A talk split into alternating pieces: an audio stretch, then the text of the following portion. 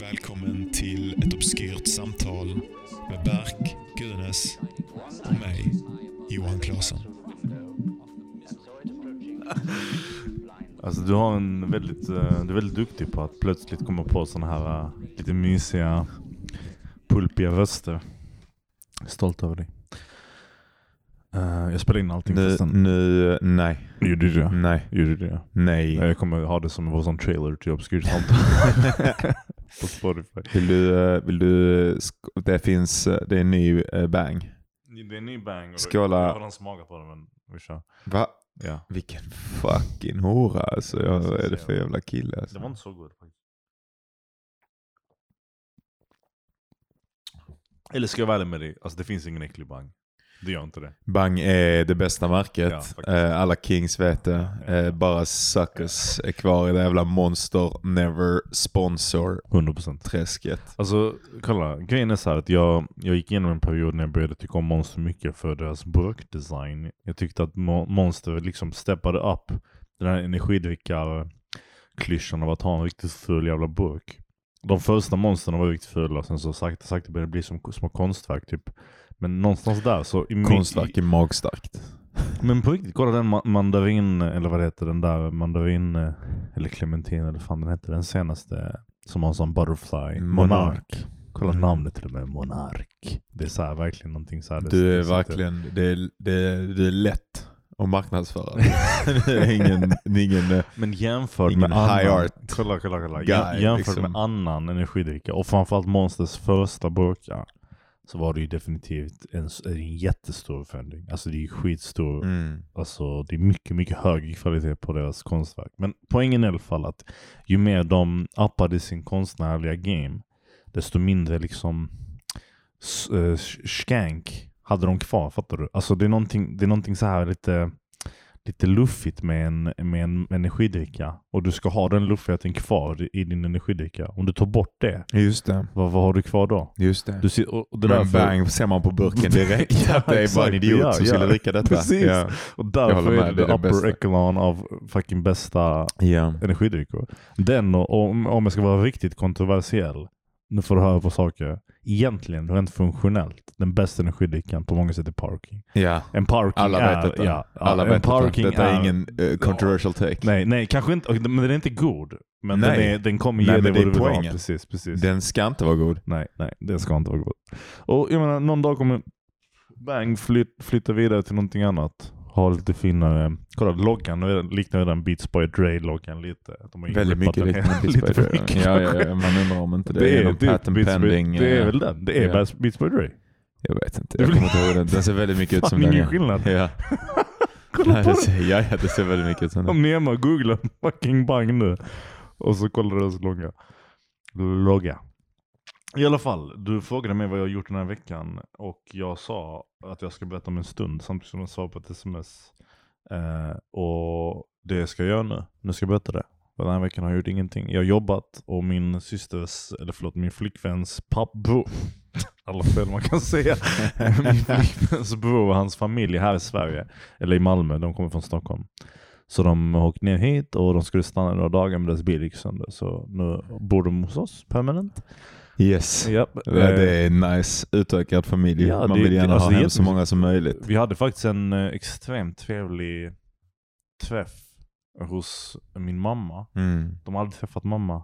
Eh, eller jag tror han har men inte liksom hela familjen liksom, på det sättet. Så då han, hans fru, deras barn, min mamma, min syster, hennes kille, jag, Neffi. Och det var bara skit på alla. Alla synkade jättebra på ett riktigt mysigt sätt.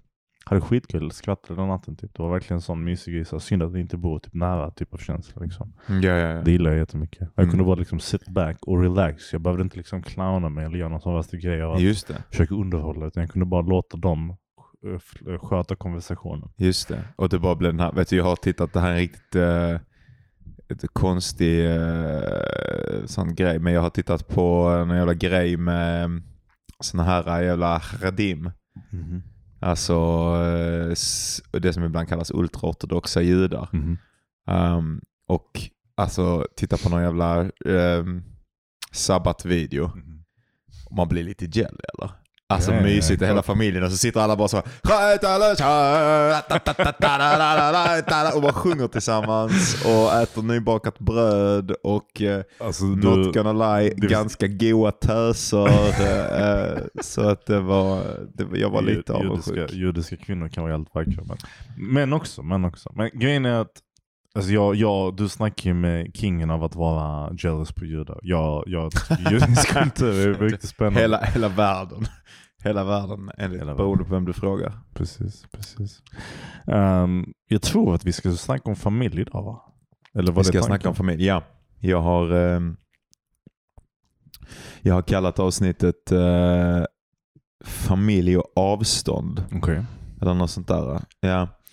Eh, jag, har det, jag har mina anteckningar som jag skulle Mhm. kunna gå bort och plocka upp på datorn där borta. Men jag tänker också Mm. att man bara kan fucking freestyla det. alltså. Freestyle, Ja. grovt. Ehm, och det som jag tänkte på, eller så som jag hade föreställt mig det i mitt huvud, det är liksom att på något sätt efter att man lämnar, ja men det är väl egentligen de här grejerna. Vi lever ju i ett land och jag, ja, och kanske delvis i alla fall, det kanske finns, det finns väl många som inte lever upp till det här, men där de, de här jättestarka familjebanden som då till exempel de här ultraortodoxa judarna har, Mhm. inte existerar. Eh, och då ändras ju på något sätt relationen Mm. till syskon och föräldrar. Och det var, jag, jag tänkte kanske specifikt på syskon eh, när jag tänkte på detta avsnittet. Att liksom vad, vad händer med en syskonrelation när man lämnar och när man plötsligt liksom måste närma sig varandra som någonting annat än Än en gång i tiden typ. bodde man ju under Ja, samma tak. precis, liksom, precis. och där fanns självklara makthierarkier, men det fanns Ja, också en ja. självklarhet i varför man var Men nära du, du är varandra. storebror, visst? Jag är storbror, du är lillebror. Det är. Eh, Så det ska bli kul att höra. Men jag, jag är lite intresserad av, av ja, det är dels vilken relation du hade Mm. med din syster Mm. eh, när du bodde hemma Mm. och sen liksom hur den har förändrats, om den har förändrats. Mm. Eh, vilka vägar liksom som du tänker att det här tar och kanske vad, vad du gör eller hur du tänker rent aktivt runt Ja, din ja. relation med din syster nu när ni faktiskt inte måste prata med varandra längre.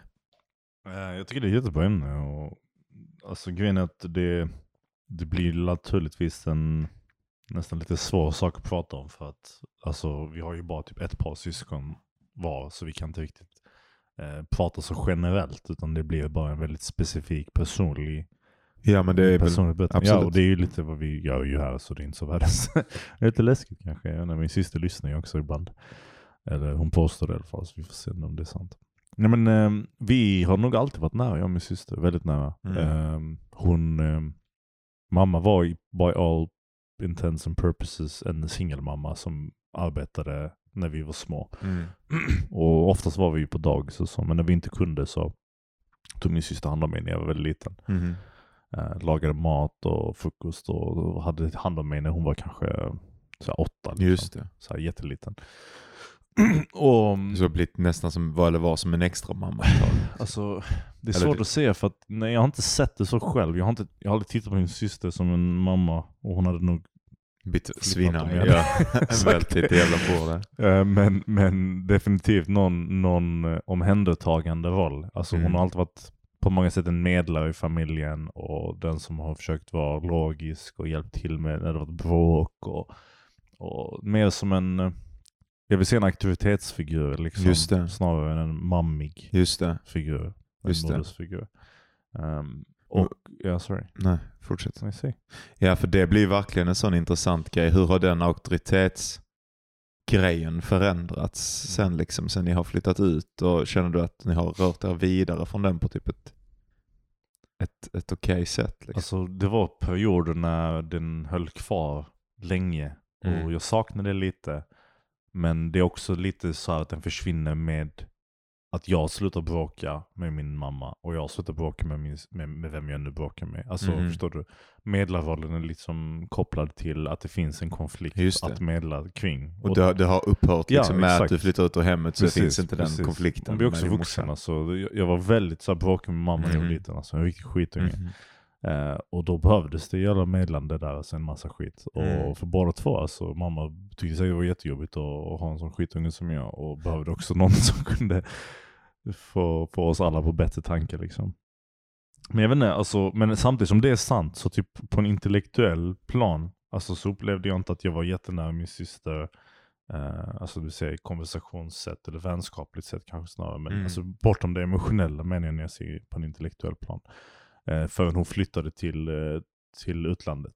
Och då träffade jag henne kanske två gånger per år. Just det. Och då plötsligt så var det som att vi kunde vara vänner som hade Just det. valmöjligheten att kunna prata med varandra när vi kände för det. Och det är lite det jag tror du vill gå in på där med just, just den här intressanta saken som inträffar när en person flyttar utifrån som alltid har funnits där Ja. som en självklarhet. Right? Ja. Och som inte heller är en förälder utan någon annan. Och det finns ju någon slags, det finns någon slags ögonblick där kärleken testas Mm. på ett tyst sätt. Mhm. När man väljer eller inte väljer Mhm. att höra av sig Mm. till folk, släktingar, Mm. familj.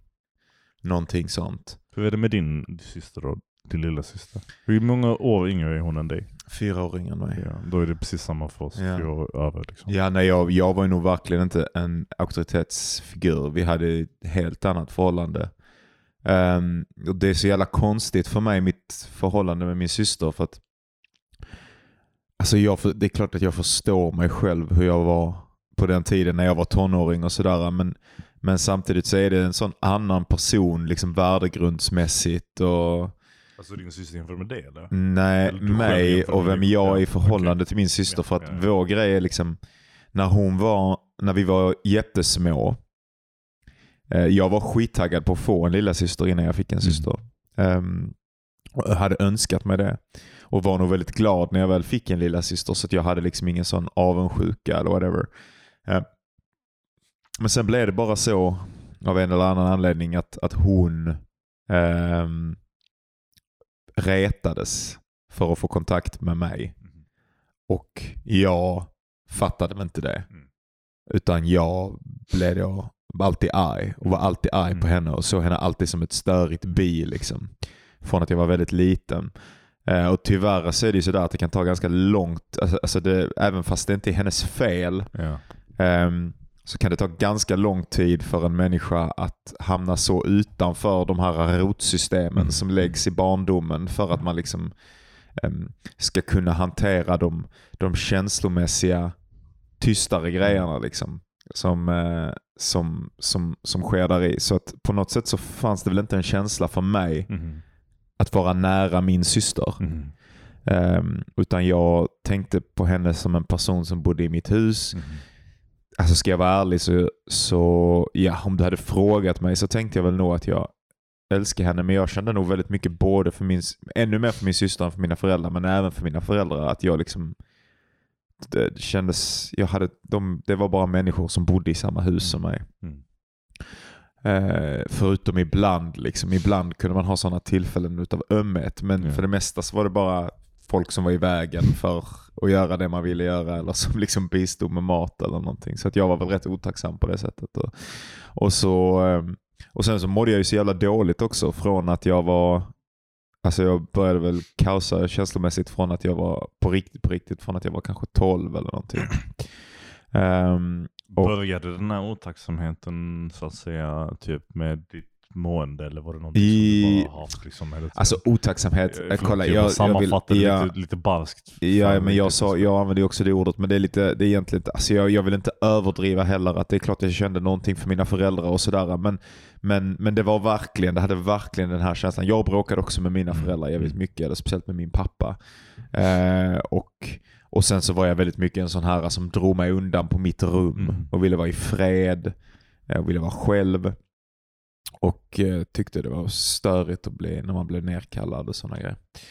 Ehm, och, eh, och kunde väl inte finnas där och ville väl inte finnas där för min syster och hade nog aldrig reflekterat att hon behövde mig Ja, där. Och, eh, och hade definitivt aldrig reflekterat att jag behövde henne. Eh, utan jag har varit så inne i att antingen att jag har mått så dåligt att, att, att jag överhuvudtaget skulle kunna föreställa mig att jag skulle kunna komma ut ur det var en omöjlighet. Och sen när jag började kunna föreställa mig en väg ut eller började kunna jobba med det ehm, så blev det så jävla mycket min fokus.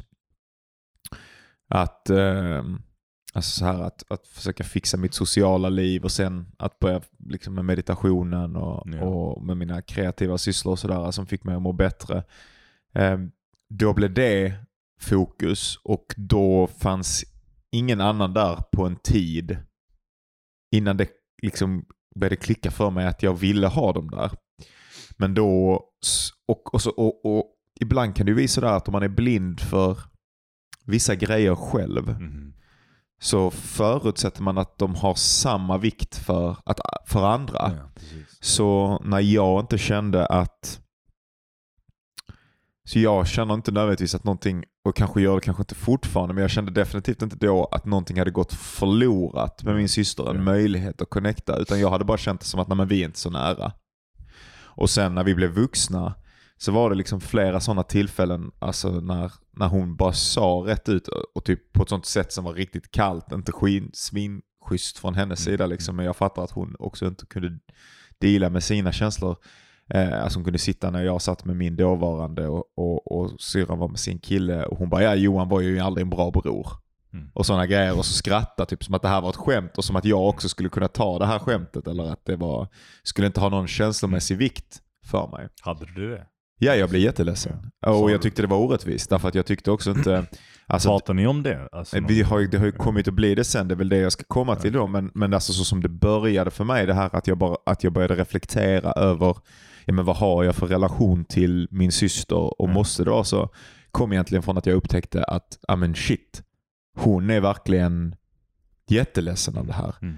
Och kanske finns det då alltså typ en outforskad men, men ändock en känslomässig koppling Mm. där som jag bara inte, eller som jag har gömt eller grävt undan Mm. eller inte Mm. brytt mig om eller, eller någonting sånt. Ehm, så det var på något sätt egentligen att hon var ledsen och idag så har vi ju en, en ganska bra relation. Mhm. Ganska, men det finns liksom fortfarande, tror jag, alltså saker kvar att göra och jag känner att jag inte riktigt vet Mm.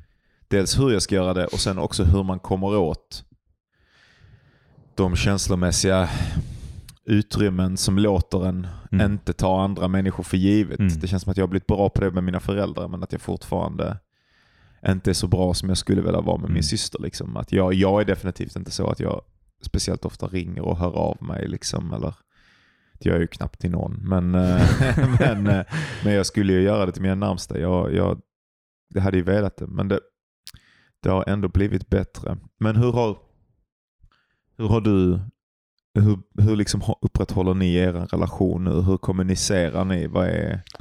Alltså, det har varit bättre tycker jag om jag ska vara ärlig. Och Men det, är var ett lite- tag när det inte var så bra liksom. Nu är det inte så bra tycker Nu det jag. jag tycker inte jag, jag samma håll där som du är, att jag typ känner mig liksom, alltså ibland känns det som att man har typ en begränsad mängd em, ork och uppmärksamhet för någonting socialt, att man bara kan använda det till vissa specifika saker och då väljer jag typ att använda det till det som är typ, em, jag upplever som em, som viktigt, inte för att det är viktigt alltså så här, som familjeviktigt utan viktigt som i från en, från en karriärsperspektiv. Typ. Ja. Så jag vill liksom fokusera på jobbet och, och, och kollegor och, och podden med dig och liksom skrivandet av Neffi och sådana saker som, som tar jättemycket tid och så bara nästan så bara försvinner tiden. Så har jag märkt typ att det har gått tid sedan jag pratade med min mamma eller min syster. Och det dumma är ju att det där på något sätt eftersom man litar på dem så mycket eller Mm. någonting så tar man dem för givet. ja, precis. Och de kopplingarna och tänker att de alltid ska finnas där.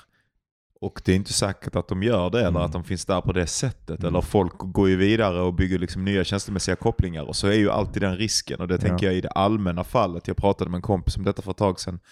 Som jag tror sa att han var inte så nära med sin syster. Och så pratade vi lite om det här att man att, man, att, att någonting man ställs inför Mhm. en bit in i sin vuxenhet. Det är liksom så här, men vill jag vara kompis med mina syskon? Ehm, Jag vill definitivt. ja, jag vill också det. Ja. Och, och och liksom, ja det är sant. Och, och, men det, det är nästan som att för mig är det inte, alltså, någon gång har jag tänkt så här, tänk så bara min syster bara typ tappar intresse för mig. Typ, hon bara, ja han är väl sån som pappa var typ. Eller pappa är också som jag på det sättet att jag tror att han också har låtit de här viktiga relationerna Just det. slinka iväg. Och kör sin egen grej. Ja, bara. precis. Och, och, och det är nästan som för syskon, antar jag, eller får jag för mig, så är det typ mer det är mer okej på något sätt. Alltså bara så min spontana känsla är att det är mer okej än det är exempel för ett barn i relation till sin pappa. Alltså hur pappa betedde sig mot oss barn genom att ignorera oss och inte riktigt kontakta oss och, och ringa oss är mer en, en hemsk sak än, än om jag inte kontaktar min syster. Ja, det tror jag också. Men jag tycker att de här sakerna jag, jag visar tecken på, alltså det här avståndstagandet lite, Mhm. eh, är indikativt av något mönster som är nytt för mig och någonting som påminner om honom.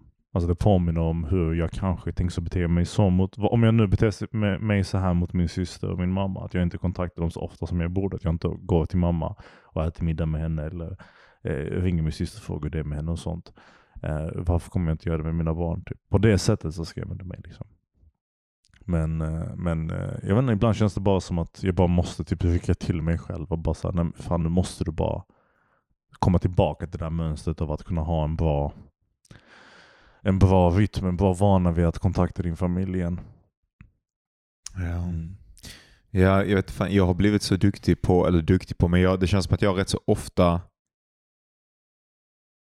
det, det, ja, det är också så här, det här, det är ju sorgligt att det är så här, men det känns så konstigt för mig, alltså nästan omöjligt att jag skulle höra av mig till min syrra och typ åka över dit och träffa henne eller träffa henne, Mm. hennes ungar, hennes man eller sådär utan att mamma och pappa är där som någon slags socialt klister. Liksom. Ja. Fast inte det är pinsamt eller konstigt Ja. att prata eller vi inte kan prata så är det som att um, någonting spökar fortfarande från det faktumet att det var det enda som höll oss tillsammans. Det Mm. var liksom den här geografiska bundenheten i familjehemmet som, Mm. som höll oss på en plats så länge.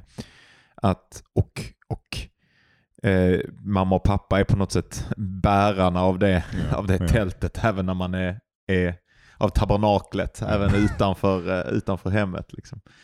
Ehm, Jag känner så med typ alltså kusiner exempelvis. ja, ja, verkligen med kusiner. Jag har jättesvårt att typ ens ta ett samtal. Min, eh, min faster gick bort nyligen och, och det här samtalet, du vet att ringa till dem, alltså barnen, mina kusiner då, Mm. och prata med dem och, be, och så beklaga sorgen liksom. Att det kändes konstigt. Alltså delvis för att det är språk, det är en sån annan sak som kanske de inte pratar turkiska. Ja precis, och Mm. min turkiska är fan inte bra nog att kunna hantera en komplex emotionell liksom, situation. Den är verkligen inte det. Så jag, jag behöver typ alltså, vetskapen att min, min mamma och min syster är där för att liksom Eh, till och med Neffi som kan turkiska kan översätta till mig när det behövs. Men även om den inte var där så är det också som du ser en liten så här Alltså språk åt sidan, en, en, en, en distans som är jättesvår att klara av om det bara var jag. Om jag hade åkt till Turkiet idag och träffat mina släktingar själv.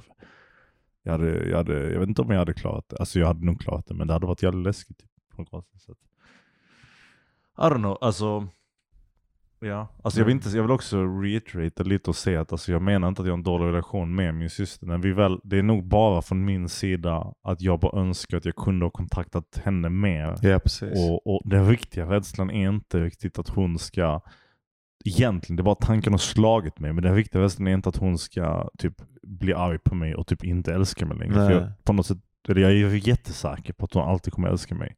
För att jag har en sån solid känsla av kärlek för, mina, för min mamma och min syster. Men det är andra saker som typ, alltså, typ död exempelvis. Alltså, du Ja, vet, verkligen. De sakerna, de om någonting sätter sån jävla skräck i mig. Typ den här tanken att, att man, man, man, nu kommer man i den jävla åldern när de här sakerna händer. Folk dör. Alltså det är, jätte, det, är- det är jättevanligt, så jävla banalt. Det, är, det händer, folk fucking dör och du vet aldrig när det ska hända. Och det kan hända dig också. Och så har du suttit här som en fucking tjomme och, inte kontaktat din jävla mamma för du är dum i huvudet. För du inte Mm. pallar det för du fokuserar på jävla podcast eller någonting. Och sen så är det ditt livs jävla misstag, förstår du? Ja. Alltså det, det är för mig, eh, det, jag har ett par sådana här, jag bara, jag bara kastar ord här överallt, massa olika ämnen, men jag, jag fick sån värsta konstig, konstig känsla av den här konversationen. Men jag hade, jag hade en kväll när jag tittade på ett avsnitt av Six Feet Under, när en person, en persons Det är syskon. någon tv-serie som Ja, med precis. spöken va? Nej, det är en, det är en tv-serie om eh, en familj som äger en begravningsbyrå. Okej. Och eh, det är typ en av de bästa liksom, eh, serierna om döden du kan Okej. kolla på. Och en av, i den någonstans, jag vill inte säga vem eller så här, för man, man borde kolla på den. Så dör ett syskon. Mhm. Alltså jag, det fuckade mig grovt Mhm. alltså. Jag, jag, jag blev, alltså jag, blev, jag fick sån, alltså riktigt nästan ångestliknande panik och bara typ ringde min syster och bara grät och bara det här, typ jag älskar dig jättemycket och den, alltså det på något sätt de fångar den här känslan av att förlora någon som man inte riktigt hade. Det är faktiskt exakt det vi pratar om nu. Mm. Den här eh, lilla distansen mellan syskon det. som aldrig riktigt når fram. Det finns alltid ett litet avstånd mellan en som har gått en väg, en annan som har gått en annan väg. Och sen dör den ena och så bara händer aldrig den här kontakten. Även om de verkligen ville, men de kommer inte riktigt fram. Ja, det är ju så jävla läskigt för det är ju också det att man har på något sätt man har ju haft privilegiet eller turen eller någonting om man, om man är i den här situationen. Liksom att ha ett, att ha ett syskon. Ja, alltså jag precis. har ju liksom en syster och, och som jag älskar Mm. på liksom och sådär. Men, men så nyttjar jag inte, Mm. alltså att det är en relation som har så mycket potentiellt djup. Och Mm. det är liksom, det här det känns också så typiskt manligt på ett störigt sätt att man man, man hamnar liksom utanför sin sårbarhet i förhållande till ett förhållande. Ja, ja. Och då, det är inte så som att jag, det, då blir det inte att, för det är ju precis det här att man, det är inte så att jag går och tänker på detta hela tiden och lider, utan det är snarare det att jag inte gör det annat än när jag kommer på det. ja, precis. Alltså så här, som är precis den grejen. Och, och det läskiga då, för när jag kommer på det så är det ju där. Mm. Men det läskiga då är ju liksom att, att om det händer någonting, eller det bara går ett liv som man sen bara tittar tillbaka på i Nästan värre på ett Ja. sätt. Ja. Och man bara såhär, wow vad mycket tid som jag skulle kunna ha investerat i Ja. min syster och hennes ungar och att Ja. komma närmare, du Ja. vet det är mitt kött och blod. Ja. Ehm, men jag bodde i Malmö och hon bor i Helsingborg, det är lite för långt på tåget. Eller jag bara... 45 minuter på, på, på ett tåg. Ja. Och så här illa är det väl inte. Alltså nu, det, har, det, liksom, vi, det känns som att det blir bättre hela tiden, Ja, men det är ja. fortfarande inte... Och jag drar mig fortfarande undan och, och, och sådana grejer och, vet liksom inte riktigt. Men hur gör man? Alltså, om Ja, man hur har, gör man? Alltså, det är inte så att man kan bara, det känns inte i alla fall som att man bara kan plinga på och bara gå nu, nu, nu ska Nu jag, fixar nu, nu blir vi nära. Precis. Alltså jag kan säga för dig, eller för mig exempelvis, eh, typ min absolut första så känsla av att jag och min syster kunde vara typ kompisar på riktigt, det var eh, när hon flyttade till Paris och jag åkte dit eh, för att hälsa på henne. Eh, och det var vinter och julafton. Och Mm. vi gick runt eh, på, och vi sov hela dagen till klockan typ sex kände Jag tror det var så, jag kommer ihåg det så i alla fall. Vi sov till klockan sex, gick ut på kvällen, äkade, ä, käkade sushi på någon sån här konstig, typ tomma restauranger för att alla var på semester eller någonting. Ehm, och så satt vi utanför Notre Dame och så frågade min syster mig någonting om pappa. Och så första gången någonsin, konstigt nog, så bara hade vi typ ett samtal om hur bajsig han var typ. Och det, Och bara connecta Ja, över vi det, connectade liksom. över det verkligen. Och jag, jag kanske inte hade typ tänkt på att min syster kunde vara en person som hade haft sina egna upplevelser av honom. Just det. Och, Och en hel människa Ja, liksom. För precis. att hon är ditt syskon i, först, eller i Ex- vägen för att Ja, vara en människa nästan. precis, Ja. exakt så. Och, och här var en Så annan människa, en, en annan ja. människa som bara typ har upplevt samma sak som jag har, fast från ett li, lite annat perspektiv. Och vi kan typ delvis prata om hennes upplevelser och delvis prata om mina upplevelser som är separerade.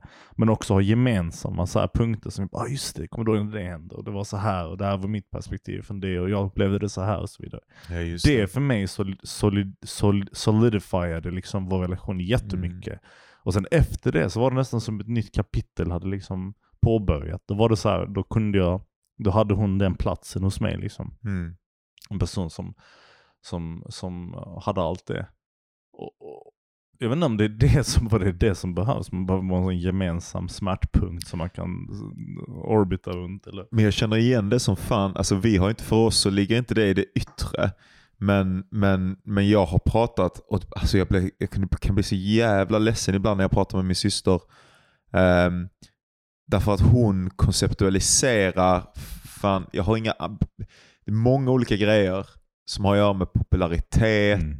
och att vara annorlunda eller inte annorlunda nog. Mhm, mhm. Eller sådär. Alltså hon kommer är det från ett annat perspektiv än mig. Jag Ja. kommer nog till världen som att jag alltid är annorlunda och att folk tycker att jag är konstig. Mhm. Och hon kommer typ till världen som att hon kanske inte känner sig speciell nog Mm. eller exceptionell nog eller någonting sånt i, i något enskilt område. Mm.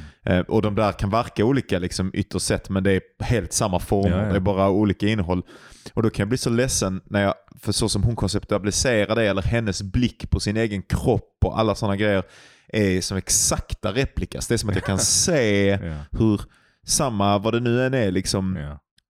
Liksom biologiska fysionomi, hjärnans form, våra neural pathways, Ja. någonting. Är uppväxt också. Eh, Våran uppväxt, men, men du vet, ja, det måste ju på något sätt grunda sig i det, men, men det är så jävla svårt att säga därför att Alltså jag kan inte, alltså jag, vet, jag vet vissa grejer som mamma och pappa inte gjorde skitbra, men inte, men inte, alltså så här Men det behöver inte vara konsekvensen av en dålig uppväxt. Det kan också Nej. bara vara bara ett gemensamt stad vi är i precis, precis, en gemensam gemensamt plats. Någonting som formar er. Alltså ni har upplevt Att- samma ja, semester, precis. samma, samma whatever liksom. Precis, och samma, samma, samma by med samma liksom maktdynamiker Ja. i skolan och sånt. Och sen så då att vi har en, antagligen någon slags likartad genetisk förutsättning gör att vi reagerar Ja. och konstruerar verkligheten enligt snarlika Precis, mönster. Precis. Men så, då blir det så jävla... Det, det, och ibland har jag känt så när jag pratar med henne och då vill jag gärna ofta prata mer men hon är så upptagen. Mm. Så vi inte, för det jag har aldrig hört, alltså du vet exakt sådana samma Fuck att jag inte har några riktigt bra exempel på detta men alltså jag kan ha såna, jag kan bli så ledsen eller lägga så stor vikt vid sådana arbiträra Ja. mönster eller arbiträra saker vid mitt eget utseende och, gö och göra konstiga grejer i, Mm.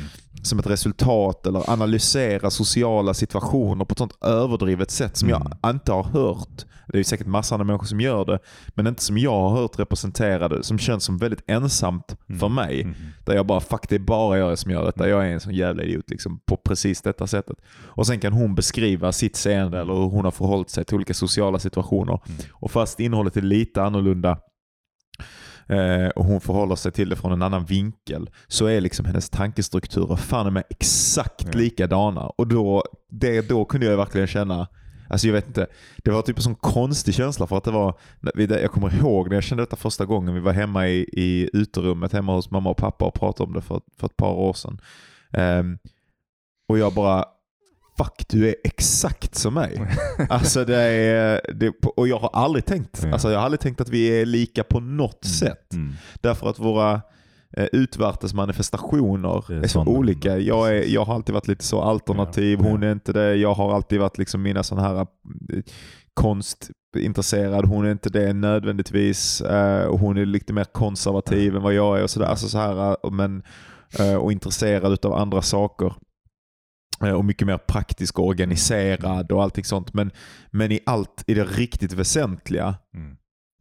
hur man konceptualiserar tillvaron och vilka problem det genererar en och vilka möjliga sätt att leva på som kommer Mm. från de mönstren som ens sinne tar. Ehm, eller som en sinne följer efter. Där är hon nästan samma person liksom, Mm. på ett sätt som är... Det påminner mig om, Ja. det får mig att tänka att jag, gärna vill träffa, jag skulle gärna vilja träffa henne och dig. Ehm, och hela din familj egentligen. Jag har bara träffat din, jag tror jag har träffat din pappa, jag vet inte om jag träffat din mamma. Men eh, det hade varit jättekul att äta middag med dem någon gång och bara det, ska, prata. det ska du få göra. Och därför att ehm, jag har en kompis, en jättenära vän, som har en syster som alltid har varit jättenära honom. Och de är typ som bästa kompisar, eller har varit det i stor del av sin uppväxt. De är typ två, tre års skillnad mellan dem. Och det känns som att när man är i den åldersklass, åldersskillnaden så är man oftast antagligen största fiender eller typ jättebra kompisar. Ja. De råkar vara riktigt bra vänner. Och jag är också bra vän med henne. Och, som, och, som, och han, han är väldigt speciell. Han har en väldigt speciell ett väldigt speciellt sätt. eh, Extremt anal, extremt eh, alltså så här.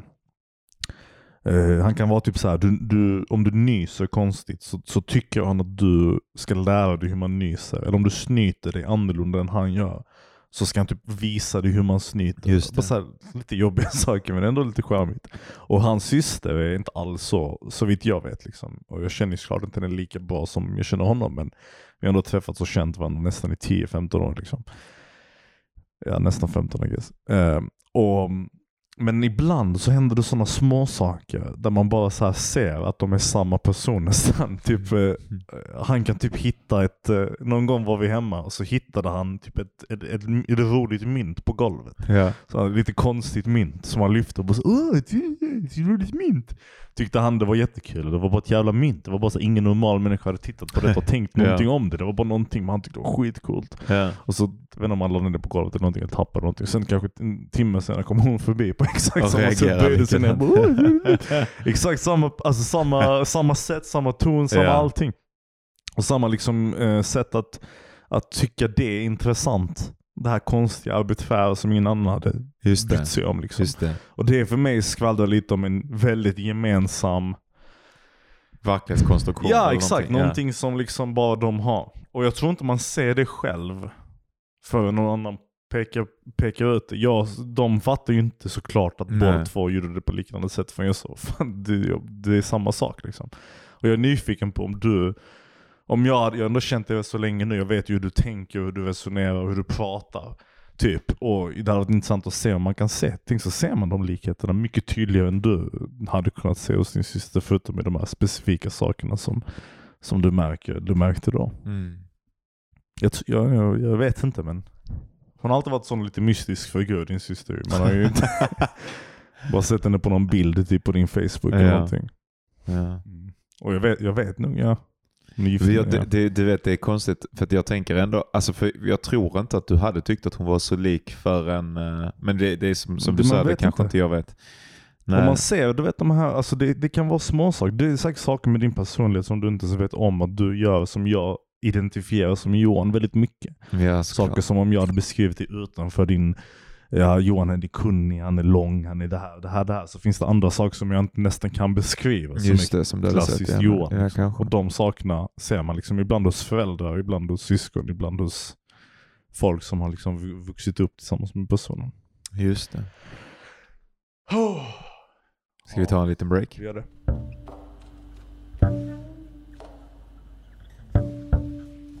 Ja, det var, du var inne på det här innan också med, med liksom släkten i stort. Ja. Och det är verkligen en sån grej för mig som jag nu... För jag är, fan, jag är inte närmare med någon av mina kusiner. Ja. Och vi spenderar ändå rimligt mycket tid. Vi var över där eh, när jag var när jag var barn Mm. ganska mycket och det var ändå, det kändes ändå som att vi var relativt tajta.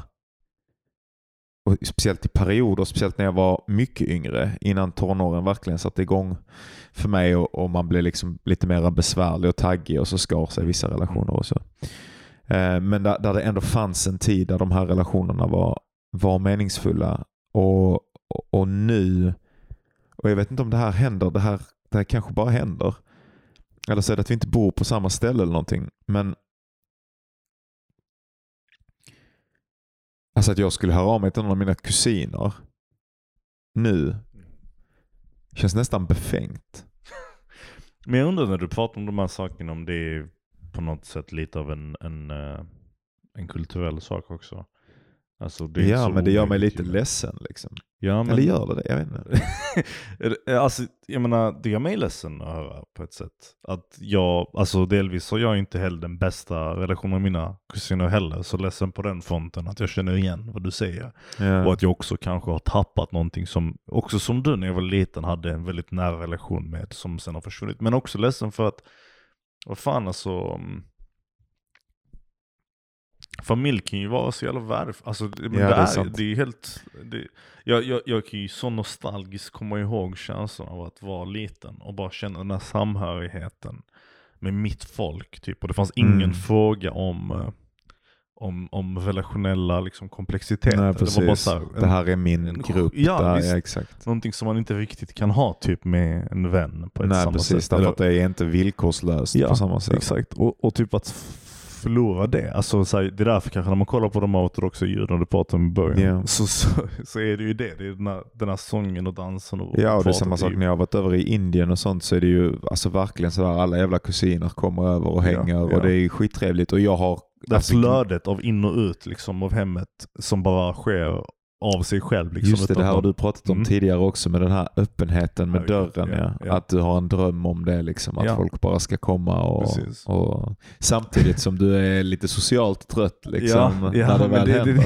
det är skillnad på det man egentligen är, alltså vilken typ av människa man egentligen och är. vad man den, drömmer om. Exakt. Ja, det är det absolut. Typ när jag, min, min flickväns familj i Karlstad, de har ju det lite. De bor bredvid varandra kanske Ja. 500 meter ifrån varandra. Och så bara, det är bara ett flöde hela tiden liksom, av, av turkar från en Ja, turist till ett annat. ja, ja. Och, och, och drömmen för mig är typ att bo som med min syster. ja, men det är en, det är en slags dröm. Ja, det är en slags dröm. Och För typ jag, har att, också, jag tänker också att jag har också haft den och när jag tittar på de här äh, när jag tittar på den här grejen med de här judarna, eller jag tittar, det var också någon grej med lite amish-folk Mhm, och sånt som mhm. jag tittar på, så, så, så är det ju någonting där som jag saknar och som Mm. jag är avundsjuk på och som jag inte fattar hur jag någonsin skulle kunna få. Mm. Liksom. Därför att det är inte bara från min, alltså det är inte bara att jag kan hålla på och göra Nej, de här nej. ansträngningarna ut, utan de Såklart, måste ju ja. komma in också. Precis. Det måste finnas ett socialt kontrakt där det här ens är, är någonting som är som någon vill ha, Ja. som inte bara är ett jävla ufo-beteende eller som inte bara är att du bara ser att påträngande. det liksom eller, ja, eller att,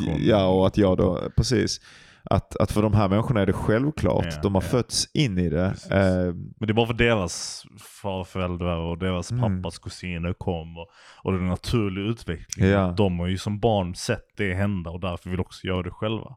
precis, och på något sätt så jag saknar ju också att sakna det. Ja, Eller typ ja. så här, det finns en slags dubbellager, alltså nästan en ironi Ja. i förhållande till, eh, till, eh, till den här grejen. Därför att jag är ju precis som du och kanske ännu mer så Mm. enormt tillbakadragen Mm. och svår. Alltså jag tycker ibland, så jag har sagt det på den här podcasten också, jag tycker synd om mina vänner och jag tycker synd om min syster och jag tycker synd om alla som har mig i sitt liv. Eller så här, förutom, eh, så jag brukar vara rätt duktig på att höra mig nu i alla fall till min, eh, till min tjej och jag är rätt duktig på att höra mig till min mamma och sådär. Men, Mm. men, eh, men annars så är jag, liksom, jag, jag blir så upptagen i mina grejer och glömmer nästan bort att dagarna går. Ja, ja. Eh, vilket är en skitdålig egenskap då för andra utom. För, för dem så verkar det såklart som att jag inte bryr mig om dem, vilket från mitt perspektiv inte är sant. Men, så då har jag liksom också den här grejen att jag bara jag tänkte på det när jag tittade på de här ljuden. Bara, fan vilken stark tradition. Alltså detta är så, detta är så mänskligt på ett sätt som nästan mitt liv aldrig blir. Mm. Alltså sitta och sjunga tillsammans och sitta och prata samma jävla språk som har funnits i tusentals år och sitta och hålla på. Alltså det är någonting där som jag aldrig kan vara någonting annat än turist i. Och, ja men, det, men man blir så jävla... Har du inte vänner också som du har varit hos och du har sett det flödet och du har sett den traditionen? Har du, har du upplevt det någon gång i verkliga livet? Ja, ja, det har jag väl gjort i förhållande, men när jag har rest mest och sådär Okej, har jag okej, varit nära den. Men jag har inte, Som du sa med Indien exempelvis. som med Indien exempelvis. Ehm, men annars, det, det, det är nog mycket, nästan, jag har nog nästan en voyeuristisk Mm. relation till det. Mm. Att jag har nog mycket sett det på håll Mm. och drömt om det. Och Ja, det är nog den där, det är ju specifikt det här att den här det självklara som du pratar om, eller den här äh, tillhörigheten som, Mm. som är djupt inbakad i identiteten på någon vänster. Och det, och det, jag kan ju säga så här som någon som har varit i den miljön både i vuxen ålder, typ när jag besöker min flickväns familj, men också när jag var barn och var i Istanbul och liksom där flödet existerade på en begränsad nivå, för man är inte i en by, men i en stad. Men Ja, ändå var det som att um, gäster alltid var välkomna. Ja. Det var alltid öppen dörr. Typ. ja, Och det var alltid ett typ av flöde. Om inte folk kom till oss så kom vi till dem.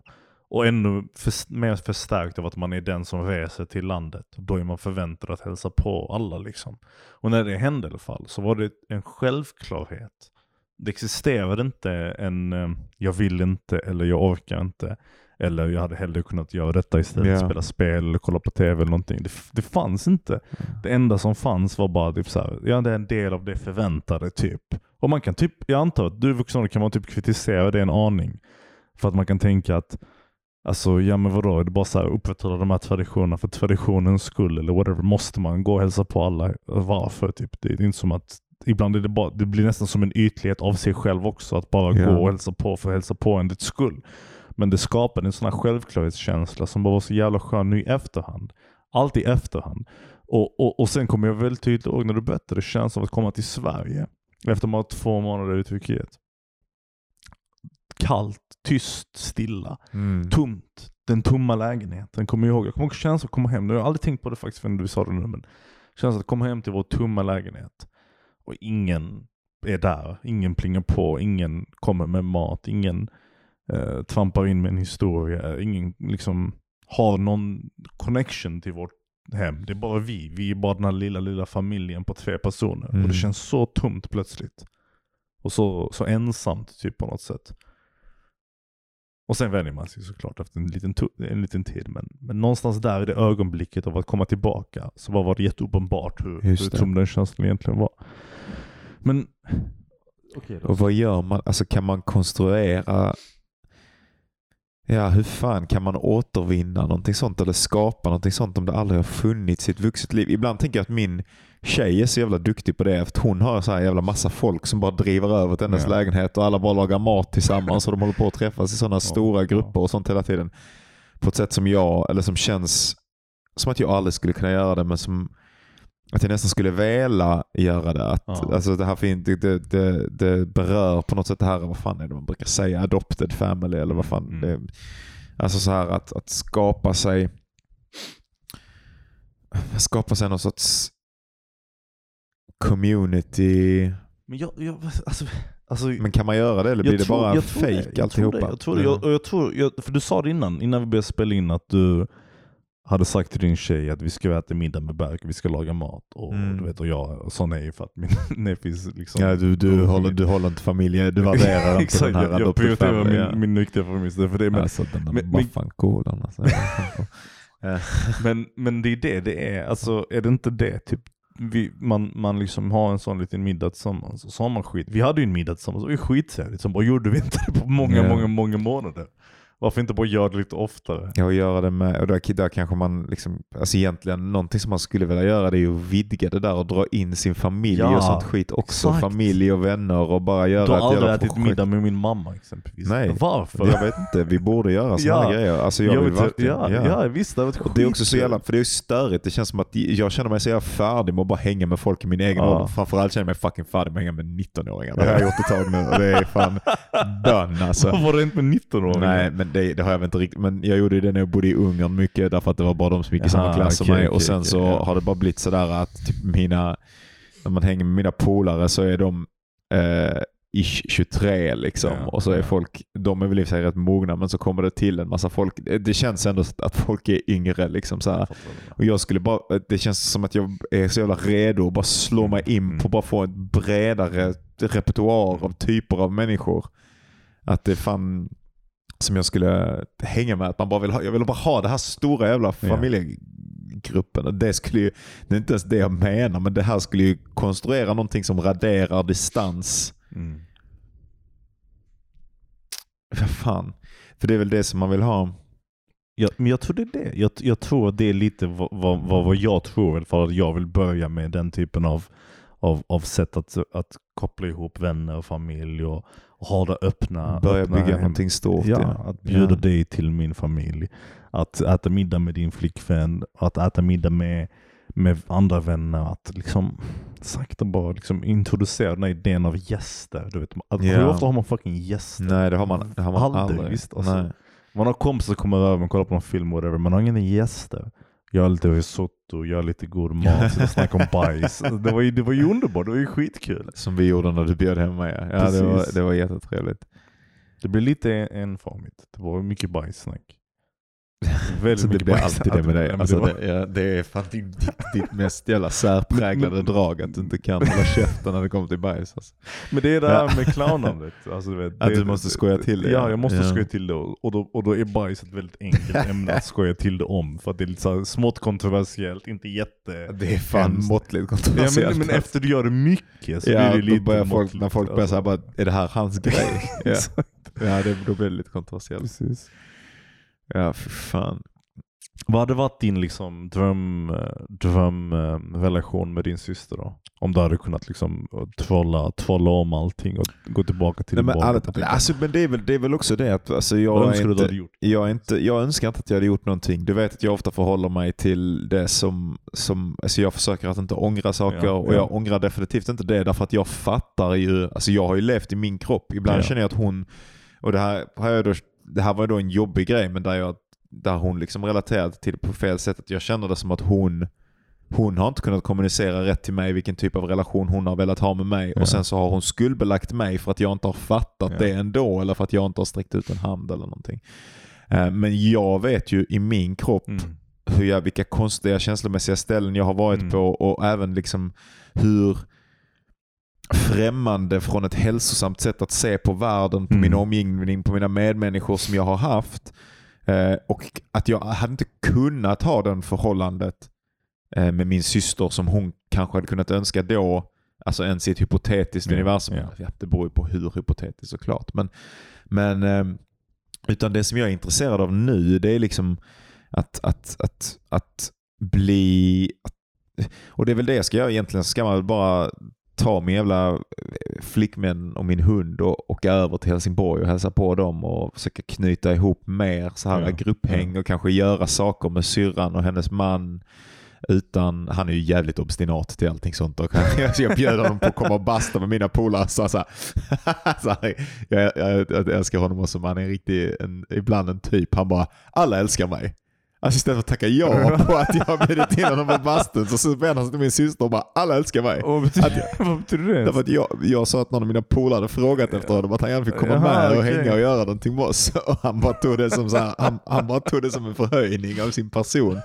Skitsamma, det var roligt. Men, men eh, Jag förstår inte ens vad det betydde först. För jag tänkte hur kan man ens säga en ja, nej, det, är- det är besatt. Men, men jag skulle vilja, skulle vilja eh, liksom, eh, kanske umgås med Mm, dem som mm. människor. Jag vill ju vara nära min, min syster som en människa. Jag skulle Mm. vilja kanske jag skulle göra en ansträngning, jag ska fan göra en ansträngning för att träffa henne utanför familjesituationen, Mm. utanför tvånget, på min egen fritid, på hennes egen fritid. Nu har hon ju ungar så hon har inte så jävla mycket fritid. Men eh, jag ska, jag ska Men just försöka det i alla fall. För det här, Ja. det är ju den sortens handling Ja. som, och det, man behöver inte ens göra det ofta, men det här är också med nej. gamla vänner och sånt skit. Liksom, att ehm, när man väl bara gör de här så att man inte bara springer på varandra Ja. utan att man på riktigt disponerar tid till en annan människa. Mm. Man behöver inte göra Mm. det så jävla mycket eller man behöver inte göra det utan det, de här sakerna kan vara fantastiskt Mm. djupa.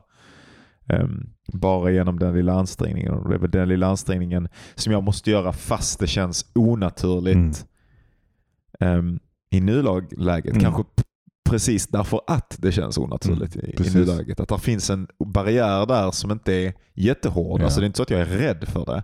Men det bara faller mig inte in. Och om jag vill ha den sortens liksom, familjerelation som jag vill ha så kanske jag måste göra den sortens handling. Så det är väl det jag får väl ringa henne i veckan. Och fan. Imorgon typ. Eller, ja. Jag tycker det låter som en underbar idé. Det låter som en fantastisk grej.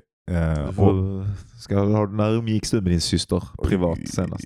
Privat? Ja. Eh, Hon, hon, hon, hon pratade om livet, pratade om var ni är någonstans. eh, inte, inte jätte, det var nog länge sedan, men vi har ju haft bra samtal om ärliga saker. Ja. Av, om sorg, om, om ledsenhet. Och, och framförallt jag har ju varit, alltså jag är, jag är alltså, sjukligt ärlig ibland med min familj. Om Mm. allt från rädslor om sexuella sjukdomar till the fam famously the penile cancer-saken där. Ja, du Där- tror att du ska få jag- kukcancer? Jag tog upp det med min familj. Jag diskuterade peniscancer med min syster och min mamma för att jag var ju tvungen att utforska ja. alla, alla människors eh, reaktion till det för att någon skulle säga du har inte peniscancer. Men hur som helst.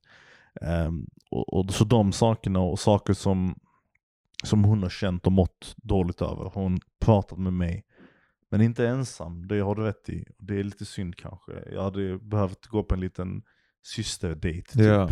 Ta ett glas vin på någon bar. Jag har, all, jag har aldrig gjort det. Nej det ska jag fan Ja. också göra. Det är fan Visst, så riktigt bra. Det här ska vi fan göra som en deal. Och så återrapportera hur det gick på den här skiten. Ja men eh, bjud en, alltså, ut på en restaurang och Ja. käka lite och, och snacka lite skit om vad fan som Det är helst. riktigt bra idé. Och, och, och gå vara ärlig, gå Ja. ärlig liksom. Du vet. Alltså konfrontera de här konstigheterna. Som man känner. Liksom. Alltså, exempel, ibland tänker jag så här, min mamma, alltså, ibland, ibland, ibland tänker jag så här, ja, men allt mitt skrivande handlar typ om pappa på något sätt, på något bakvänt sätt kommer det tillbaka när jag fadersfigur hit och dit, fram och tillbaka om män och sånt skit. Och Ja, massa bult. mitt också. Det är Ja, jätteknepigt. ja men det, man är det. kan och vi borde om det man definitivt prata, det, det är ett Ja. avsnitt vi ska prata om tycker jag. Men, men en sak som är en sån konstig känsla, jag vet inte om du känner samma sak, men det är en sån här ömhet kring mamma. Alltså typ, jag, jag kan tänka mig att jag kan skriva en skitbra bok någon gång hypotetiskt om min relation till min pappa och komplexi- komplexiteten och jag kommer vara jättestolt. Men jag tror det riktiga, det riktigt emotionella, det riktigt bra hade varit om mamma. Men kolla här nu, jag ska göra en hypotes här snabbt Kör. bara nu, för nu hoppar vi på fler ämnen. Men det här är en Mm. grej som jag tror, jag tror att, jag tror att um, anledningen till att män är så jävla besatta av och vill skriva om sin jävla pappor Ja. och, eller om, och vad det är att bli man är bara att det är en sån jävla Alltså omöjlig grej. Alltså det är en omöjlig grej att bli, precis som det här Becoming White eh, som Mad Mens skapare sa att Mad Men handlar om becoming white. Liksom. Att bli en del av, av, av det vita idealet i, i Amerika. Liksom. Och att det är en mask som bara vissa upprätthåller i en kultur, en tid. Men bakom den masken rymmer sig bara en massa sprickor. Mm. Eh, och det är någonting liknande. Dan lyckas ju i slutet. Men... Det var en diskussion. Gör han det? Ja. Ja, jag tycker men jag, Ja, ja. spoiler. Men, eh, men ehm, Förlåt, jag derailade helt och hållet. Ja. Nej, men, men, men för jag ömmar också för min mamma på ett sätt som jag kanske inte gör för min, min pappa. Men Ja. det, är, det är ju så okomplicerat, så varför ska jag skriva om det? Alltså, jag kan men bara det skriva inte jag. jag det inte så- för det- mig är det, det det som är tvärtom. Jag tycker papparelationen har alltid jag sett som en komplexitet och någonting som är så svårt och så, så dramatiskt i sin, i, sin, i sin gestaltning att jag hade kunnat berätta en riktigt bra berättelse om det. Ja. liksom. Eh, för det är mycket känslor, det Ja. är ilska och det är de här ytliga, eh, Mm. lättillgängliga sakerna. Men mamma är typ så här. Det Typ, krävs en större författare Ja, än vad du är exakt, för att skriva det. exakt. Det är nog Alltså, sant. Ja. Typ en, en sån här, typ, att om jag typ hade på en födelsedag typ kunnat skriva en liten hur mycket jag älskar henne, typ. Den bara så här, ugh, jag, får typ, jag blir rädd att göra det. Alltså det är så mycket känslor laddade till det. Som inte är arga och inte är jobbiga. Och därför är så svårtillgängliga på något sätt. Det är nästan Ja. paradoxalt typ. Alltså så jag vet att jag älskar henne.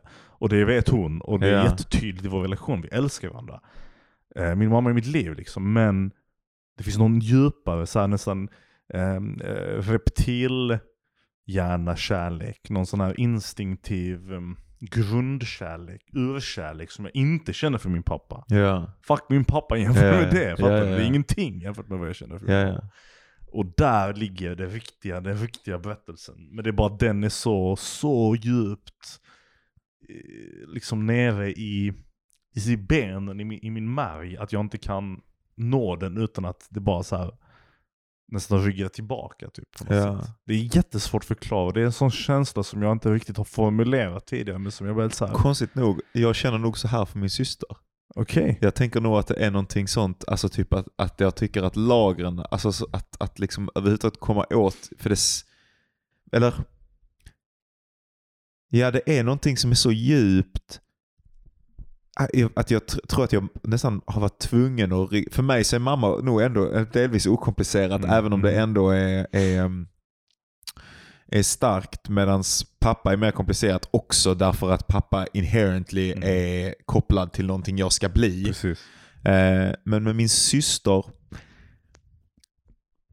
där, Det är så att nästan man blir typ kanske överraskad av känslorna som hade kunnat blomma upp typ. ja, och, sätt, och, det, och det, är så, det är så svårt, alltså du vet det är någonting som är så,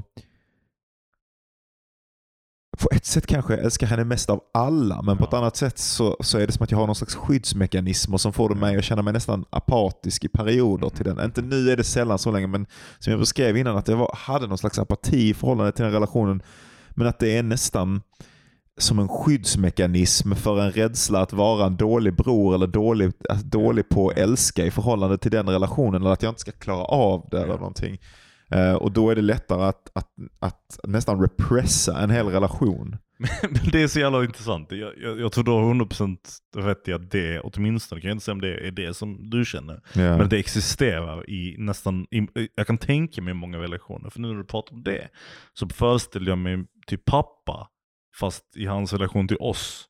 Typ jag tänkte på varför har pappa en- ett distanstagande? ja. Kan det vara så att hans distanstagande är kopplat till hans Ja, just bild av, på samma sätt som du potentiellt hade kunnat vara en dålig bror? Att du liksom skapar någon slags apatisk motsvarighet Ja. till den djupa kärleken du har för din syster. Ja. Att pappa kanske gör samma sak för sina barn. ja. Du vet. Och det är ju skitläskigt. Det är det. Och det tänker jag att det är Ja, en sån ja. riktig pappagrej att göra. Ja, alltså att det är ja. som är, att det är någonting som är så jävla inbakat i... Det, det finns en sån jävla omöjlighet i... Alltså det här är väl sant för... Men jag kan inte kommentera på hur det är för, för kvinnor, utan jag kan kommentera på hur det är för män. Mm. Att det är någonting som är så omöjligt i den här relationen, i, i någon slags mm, komplex som både innefattar förmågan att älska och den ständiga ehm,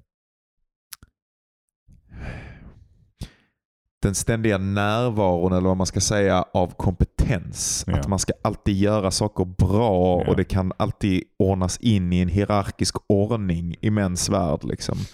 Eh, och Den finns inte riktigt med en relation till mamma, på det, eller till det kvinnliga könet, eller hur tänker du? vad det skulle den väl kunna göra, men jag tänker att det här bara är Mm. överhuvudtaget till varför, alltså ett sätt som pappor kan bli dåliga Mm, på mm. och, och som man som man, inte nödvändigtvis som man till man, utan som, som, som man bara kan tendera att repressa därför Mm. att det Mm. finns ett, man upplever det som att, att det finns ett skill-element Ja. till sin egen kärlek. Vi- Vilket kärlek såklart egentligen aldrig kan vara. Nej. Men om man inte har sett det så kan man frukta sin egen oförmåga att uttrycka sina känslor Ja, eller sin egen oförmåga att samt älska sina barn eller finnas där för sina barn. Mm. Och så vet man på någonstans långt innanför alla lager av Mm. en själv vet man att man älskar. Och ofta då så är det enda sättet som man kan ehm, Alltså som man, som man kan försöka ta igen det genom sådana här tomma gester som, alltså, som att din pappa kastar sådana sms till dig. Eller jag tänker så här, en far som dyker upp och slänger Ja, en 500-lapp på sin Ja, unge typ. Eller så här, att det, Han slängde Snickers på julafton. ja, det slänger. Snickers på julafton till det. Att det är så, det är så långt borta. Ja. Den här riktiga närheten eller den här grejen. Att det är som att man, man skickar någon slags konstiga telefonsignaler över ett långt jävla... Ja, ja. Men, men, men ja, det fina med Snickers-incidenten är att att... de ändå berörde dig. Ja, den berörde mig jättemycket någonting. därför att jag fattade vad det var. Jag förstod, jag såg det på honom att det var ett försök att nå ut i etern. Liksom. Att försöka bygga en relation på det mest banala sättet du kunde bygga den på.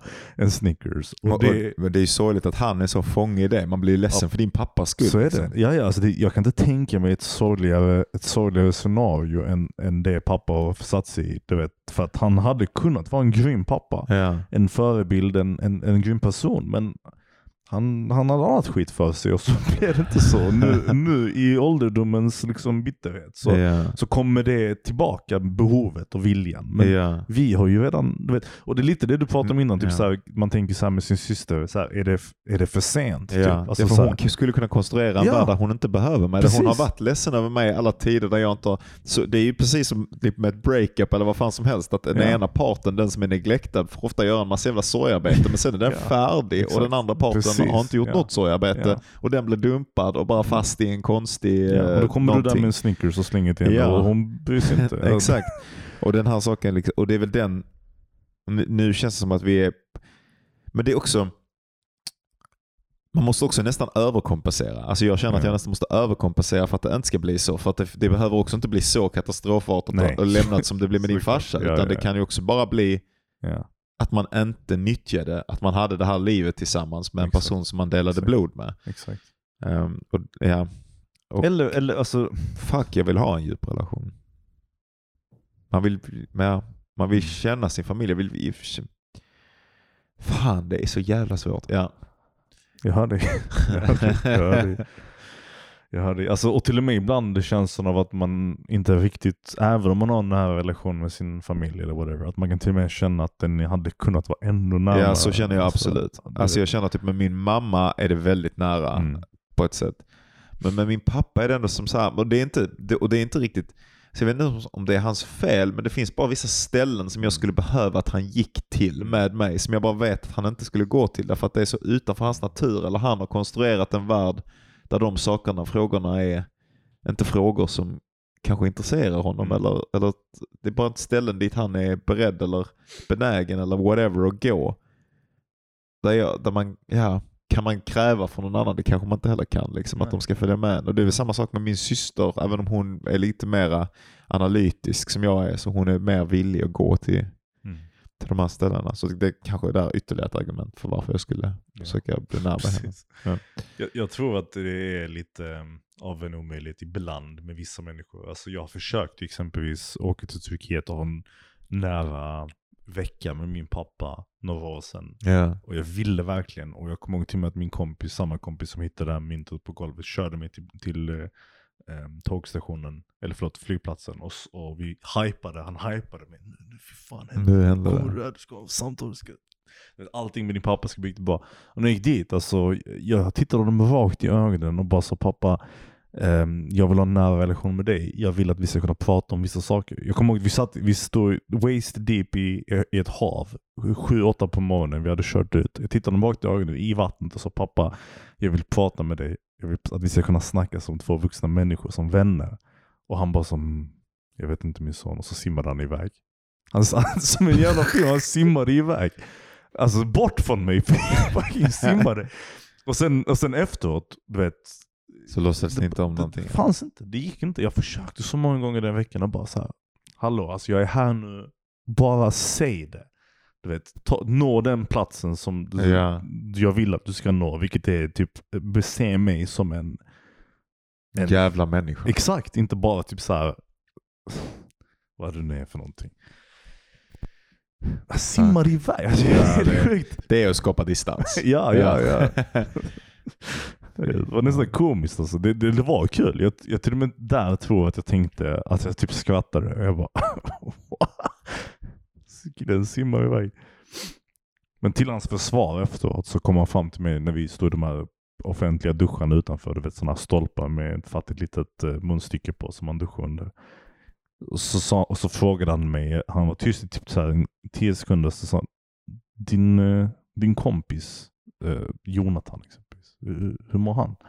Typ så här, ett sätt att försöka påbörja Ja men det är detta att kasta över alla Ja. sina jävla lager. Därför att det är så, att det, det, alltså att han simmar iväg, det är att han får så fucking mycket panik, panik över Ja, sin alltså, inkapabilitet Ja, ja, ja. att visa kärlek. Att han titta dig i vet inte ögonen. ens hur han Han ska... så, jag måste fucking simma. crawlar härifrån. Alltså. Jag skiter i detta nu. Och jag försöker göra mitt bästa för att bli en sån som inte crawlar därifrån. Ja, ja, Alltså, ja, vet du, det- det, det jag skulle verkligen kunna bli det. Alltså, jag- jag- det är bara ren tur att det inte har blivit så. För jag är fan, eh, ja, ja, jag är fan riktigt dålig på Men, men är det att show up ibland. ironiska med allt detta? Är det inte att vi liksom, vi vill ju verkligen bli typ pappor en dag. Vi Ja. vill ju verkligen kunna ha den här. Och vi ligger ju lite i riskzonen av att bli den typen av pappa som inte är den vi behövde. Eller jag tänker att jag är det i alla fall. Att jag har de här inslagen av tillbakadragenhet lite. Som, som jag då nu börjat visa lite med min familj. Att potentiellt kunna få barn och sen bara upptäcka att jag bara var han simmaren liksom. Jag tänker att om man bryr sig om det så mycket som du gör, så du kommer säkert manifestera andra jävla problem, men inte dem. Jag hoppas. Ja. Jag hoppas det. Är du rädd att du ska ha det här avståndstagandet? Nej, inte, jag tror att jag kommer vara rätt, väldigt mycket där för mina barn. Jag känner att jag har väldigt mycket, alltså så, alltså även fast Belse bara är en hund så känner jag Ja. att jag är, liksom, är väldigt där för honom och, Ja, och ja. prioriterar honom och kan för det mesta prioritera hans glädje och sånt. Mm. Det är med andra jävla grejer. Eh, vissa saker som inte jag fattar är viktiga för andra människor. Ja. Alltså så här där ställen där jag bara är lite aspig om, du, om man ursäktar det uttrycket. Ehm, där, eh, Okej. där, alltså att, jag, att jag bara kan vara så inne i min värld och Ja. att jag ja, ibland har så svårt att se att andra saker utanför mina specialintressen är viktiga för andra människor. Liksom. Jag fattar, jag hör dig. Det är väl med den. Ska vi, eh, det var ett lite, vi berörde lite olika grejer men det kändes ändå som att vi Vi, vi prickade rätt precis. kom någonting. Det blev precis ett bra, ett, en bra, jag fick en jättebra känsla för det avsnittet i Ja. slutet. Nice. All right. Tack så jättemycket för att ni lyssnade denna veckan. Vi körde en jävla reklamgrej på som blev eh, inte alls eh, en succé, men samtidigt en succé. Eh, Jag menar, den- alltså, om vi ska vara totalt transparenta här så har Johan alltså marknadsfört ett inlägg och sen så har han i målgruppskategorin inte kunnat ändra den målgrupp Så det som... blev mot Hemnet och så här fastighetsägare och lite olika sådana grupper. Så det blev väldigt mycket så här eh, Sverigedemokratiska Ja. pensionärer som fick min post om mysticism på... Ja, ja. Och, och många det- så skratt-emojis såg jag och sen ja. några, par, några genuint schizofrena kommentarer Ja. av folk. Djupt. Men, konstigt. men också eh, en 25% ökning på, eh, på avsnittslyssningar. Så att eh, alla Ja. ni som är Mm. nya eh, Obskyrt samtal Mm. tack så mycket för, eh, för er. Precis. Så nu blir det att köra mer reklam, men jag ska komma på ett smartare sätt att att lägga upp det. För Vi jag vill kollar inte på bli häcklad av jag- Bosse eh, från fucking eh, Örkelljunga en gång till. Alltså, det kommer reklam